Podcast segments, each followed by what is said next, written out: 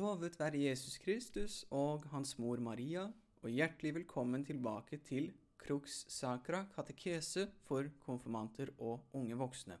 Nå er vi kommet tilbake etter en liten pause, og vi er veldig glade, jeg er veldig glad for å være tilbake, særlig nå som vi har begynt måneden juni, som er måneden eh, dedikert til Jesu hellige hjerte eh, i kirken. Det er en fantastisk måned for å tenke over Kristi kjærlighet for oss, og huske på Jesu hjerte, som ble gjennomboret for oss og våre synder. Så jeg oppfordrer alle, og meg selv, til å gå til Skriftet, og så til kommunion. Fordi det har gått en stund siden sist, tar vi en liten oppsummering av innholdet eh, i katekesen vår så langt. Vi startet med at Gud, den hellige treenighet, er én Gud i tre guddommelige personer, Faderen, Sønnen og Den hellige ånd. Sønnen er født av Faderen fra evighet. Ånden utgår fra Faderen og Sønnen fra evighet. Gud er én, evig, allmektig og god, godheten selv, sannheten selv, selve væren, eksistensen selv. Denne gode og allmektige Gud valgte fritt å skape himmel og jord ut av intet ved sitt ord, Kristus. Kronen på skaperverket, som Gud kalte frem, er de rasjonelle vesener, engler og mennesker. Engler er rene ånder som langt overgår mennesker i intelligens og kunnskap. Mennesket er skapt til mann og kvinne i Guds bilde. De har en kropp og en rasjonell sjel med forstand til å søke sannhet og fri vilje til å søke godhet. Menneskets hensikt er å kjenne, elske og tjene Gud, fordi det er det vi er skapt til. Djevelen fristet våre første foreldre, som først levde i vennskap med Gud, til å synde mot ham, mot Gud, selv om han hadde advart dem på forhånd. Der, derfor så straffet Gud Adam og Eva rettferdig ved å frata dem sin nåde slik han hadde advart. Når Adam og Eva mistet nåden, mistet også deres eh, etterkommere nåden. Så vi fødes utenfor nådens stand. Det kalles arvesynd. Men Gud besluttet å tilby oss på ny den gaven vi hadde frasagt oss frivillig, og til og med enda mer, ved å forberede israelsfolket med pakter, lover og profetier på sin egen menneskevordelse, sin egen inkarnasjon. At han, den evige Gud, skulle komme til oss så vi kunne komme til ham. Og så, i tidens fylde, ble Gud Sønnen unnfanget ved Den hellige ånd i den alltid rene jomfru Marias skjød til Jesus Kristus, sann Gud og sant menneske. Jesus Kristus vår frelser, Messias, forkynte evangeliet om frelse i ham gjennom Den hellige katolske kirke, grunnlagt på de hellige apostler, fremst blant dem Peter, og han forkynte sin lov for oss og lærte oss sine kjærlighetsbud. Så fyllbyrdet han denne frelsen og denne loven ved å gi seg over til å lide og å dø på korsets tre for våre synders skyld. På den tredje dagen oppsto han legemlig fra de døde og viste seg for mange av hans disipler, før han så for opp til himmelen, til sin trone i det høye ved Faderens høyre hånd. Han sendte Den hellige ånd til kirken, sånn at hun kunne bli stående støtt som vitne til hele sannheten som Gud har åpenbart, og veilede alle mennesker til himmelen, den skinnende byen som ligger på fjellet. Kirken er én, hellig, katolsk og apostolisk, og viderefører Kristi embeter som prest, fordi den har midlene til helliggjørelse, sakramentene, og som profet, fordi den har hele Guds sannhet uforandret og fullstendig bevart, og som konge, fordi den har Kristi fullmakt til å styre Guds folk og til å lære dem å holde Guds bud. Ved å bli en levende gren på treet som er Kristus, vil si ved å motta Kristi nåde i dåpen og ved å bli eh, del av den hellige katolske kirke i nåde, i tro og i gjerning, og ved å stå støtt i disse til vi dør, skal vi leve evig i fullstendig salighet med vår gode Gud. Sakramentene er nådemidler, synlige tegn som virker usynlig nåde, som Kristus selv innstiftet og ga til kirken. Og det er de vi går gjennom eh, i det de, Og det er de vi går igjennom nå. Nå er vi på eh, det sjette av disse sakramentene i rekkefølge, og vi skal snakke om ordinasjonssakrament i dag. De fem sakramentene vi har sett på til nå, virker den enkeltes helliggjørelse. Men vi kalles også til å elske vår neste som oss selv og å tjene hverandre i kjærlighet. Og da er det passende at Vår Herre skulle innstifte sakramenter ikke bare for den enkeltes frelse, men som muliggjør et liv i tjeneste for fellesskapet. Det ene av disse er ordinasjonssakrament, hvor en mann konfigureres til Jesus Kristus korsfestet og får forskjellige fullmakter og evner, avhengig av den ordenen han mottar, til å forkynne og lese evangeliet, til å frembære Kristi offer for Gud på vegne av seg selv og de troende, og til å være hyrde for eh, kirken. Ekteskapets sakrament er det andre av disse eh, fellesskapssakramentene, og det skal vi ta for oss neste gang. Men hva er det ordinasjon betyr, og hvorfor kaller vi dette sakramentet for ordinasjon?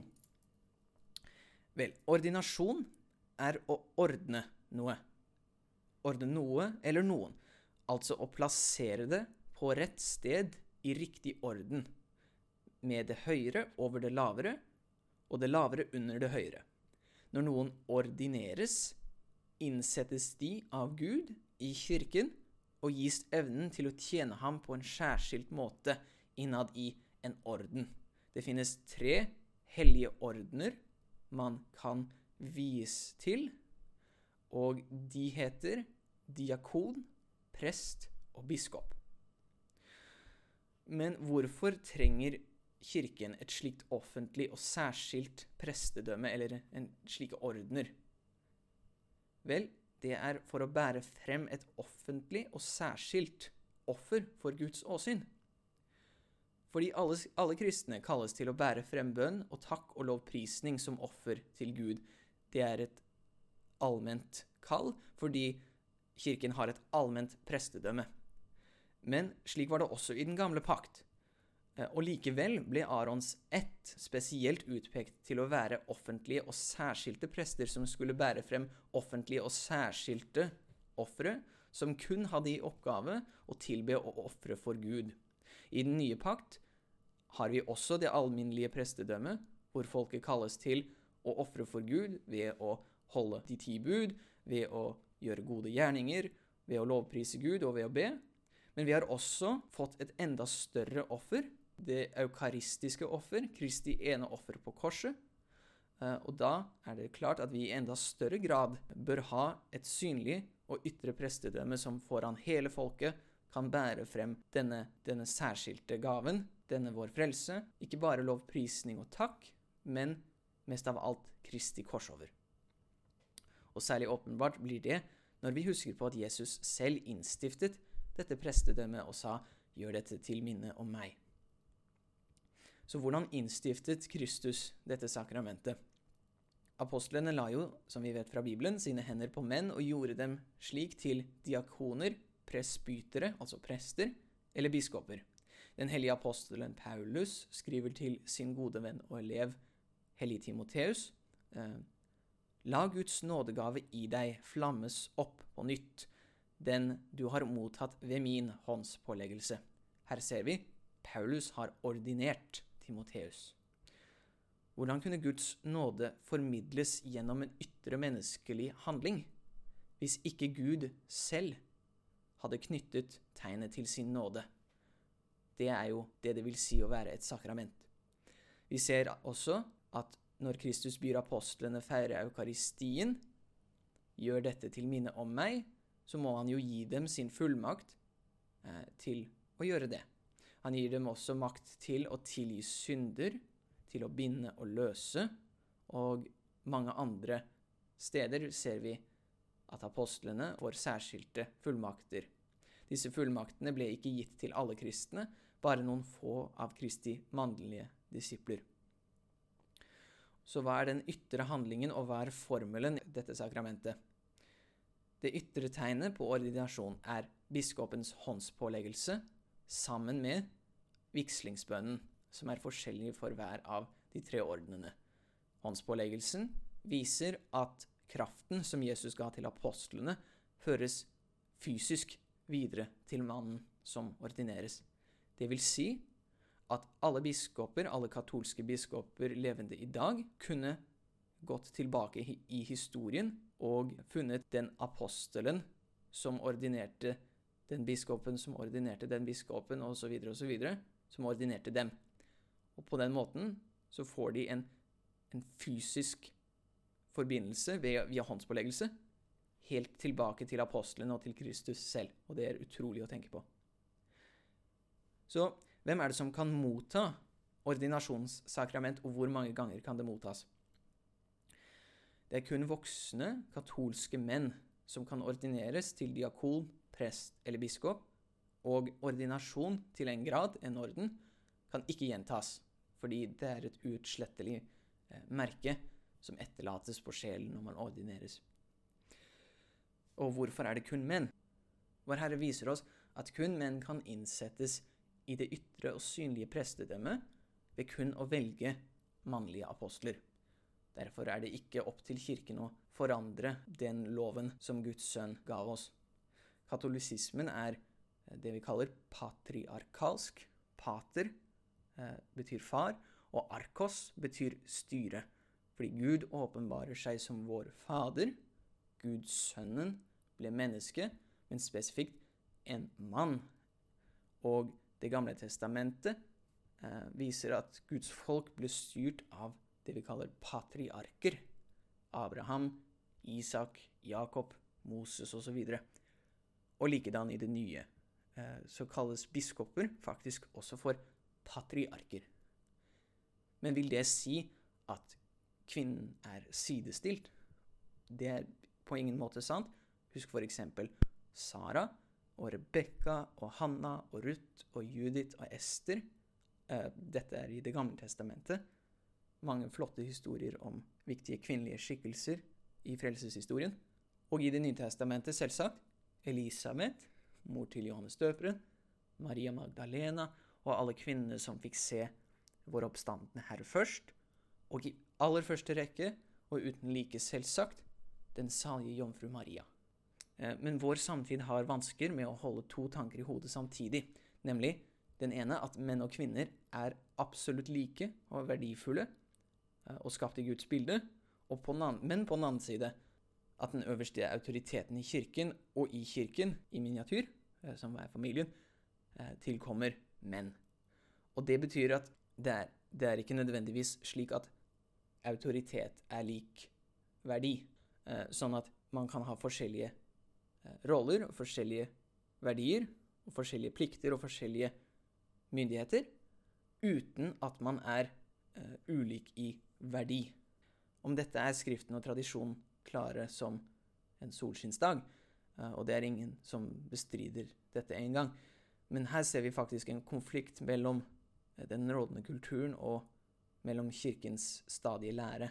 Og da er det våre antagelser, ikke Kirkens, som bør vike, og ikke omvendt. Det er kanskje vanskelig, det er kanskje ubehagelig, men det viser oss at vi lever i verden, men ikke av verden. Eh, hvem er det som kan feire ordinasjonens eh, sakrament? Det er kun biskopen som har fylden av ordinasjonssakrament, og det er han alene som kan videreføre evnen til å feire f.eks. eukaristien. Så altså er det kun biskoper som kan gi menn de hellige vielser. Så hva er det som hender med personen som blir ordinert? Mannen mottar helliggjørende nåde hvis sin nådens stand, og uansett så preges sjelen med en karakter. Han mottar evige åndelige fullmakter. Det er den tredje virkningen. Karakterene og fullmaktene er forskjellige fra, for hver av gradene. Noen, noen fullmakter for diakonen, noen fullmakter for presten, noen fullmakter for biskopen. Og karakterenes karakterene, karakterens rolle er å konfigurere, altså likedanne, eh, mannen med ypperstepresten Jesus Kristus i større eller mindre grad. Til en diakon gis fullmakt til å lese evangeliet for de levende og de døde, som del av gudstjenesten, og ellers til å assistere presten ved alteret og, ved å dele ut noen av sakramentene. Til en prest gis det å gjøre alt som en diakon gjør, men også å feire eukaristiens offer, fordi han har makt til å konsekrere brød og vin til Kristi virkelige legeme og blod. Han kan også tilgi syndene til dem som eh, angrer, bekjenner og vil bøte for dem i skriftemålets sakrament. Så til en biskop gis fylden av ordinasjonens sakrament.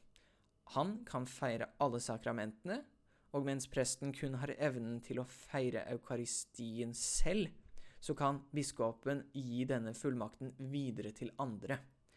Han er kirkens hyrde øverste og øverste synlige autoritet i sitt bispedømme, og han er et ledd i en ubrutt lenke som fører tilbake til apostlene og Kristus selv. Biskopene er apostlenes etterfølgere og garanterer, når de er i enhet med paven i Roma, kirkens synlige enhet og ufeilbarlighet. Så, så hva, er det, hva, er det, poenget uh, med dette kallet og med det, denne rollen og med denne tjenesten er?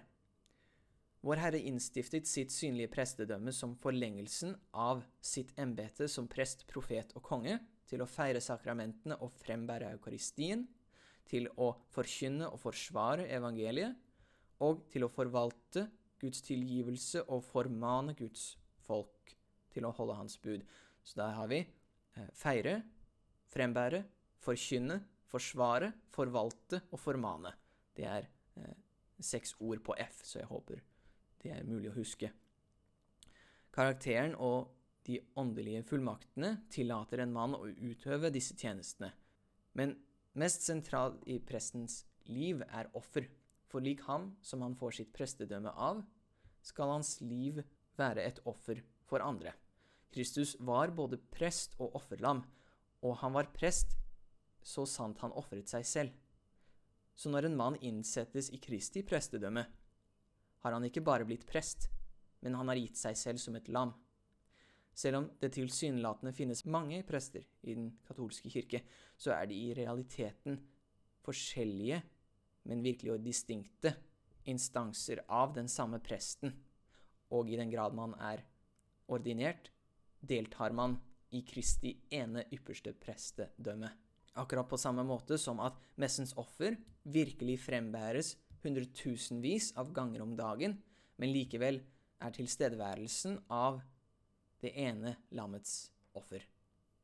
Ordinasjon er altså at en katolsk mann mottar en biskops håndspåleggelse og vigslingsbønn og innsettes av Gud i kirkens synlige prestedømme som diakon til å preke og lese evangeliet, eller som prest til å feire messens offer og å forvalte sakramentene, eller som biskop til å være hyrde og å bygge opp Kristi legeme på det stedet han styrer. I sakramentet får disse nåde og merkes med en karakter og gis fullmakter til å utføre sin tjeneste. Måtte Gud bevare våre diakoner, prester og biskoper. La oss alle be for dem stadig, og ikke minst for eh, seminaristene våre som studerer for å bli prester. Og hvis det er noen unge katolske menn eller gutter som hører på dette programmet og tror at de kan ha et reelt kall til denne selvoppofrende prestetjenesten, som handler om tjeneste for andre og for fellesskapet, men først og fremst for allmektige Gud, så ber jeg dere tenke over, over det, og be over det, og, og kanskje snakke med sogneprestene deres om dere tror det er lurt. Takk for at dere lyttet til denne eh, episoden av Krux Sakra katekese, og jeg håper dere hører neste gang når vi snakker om ekteskapets sakrament. De eldste blant dere ber jeg inntrengende jeg som selv er en eldste og et vitne om Kristi lidelser og har del i herligheten som skal åpenbares. Vær hyrder for den Guds jord som dere har hos dere. Ha tilsyn med den, ikke av tvang, men av fri vilje, slik Gud vil, og ikke for vinnings skyld, men av hjertet. Amen. I Faderens og Sønnens og Den hellige ånds navn.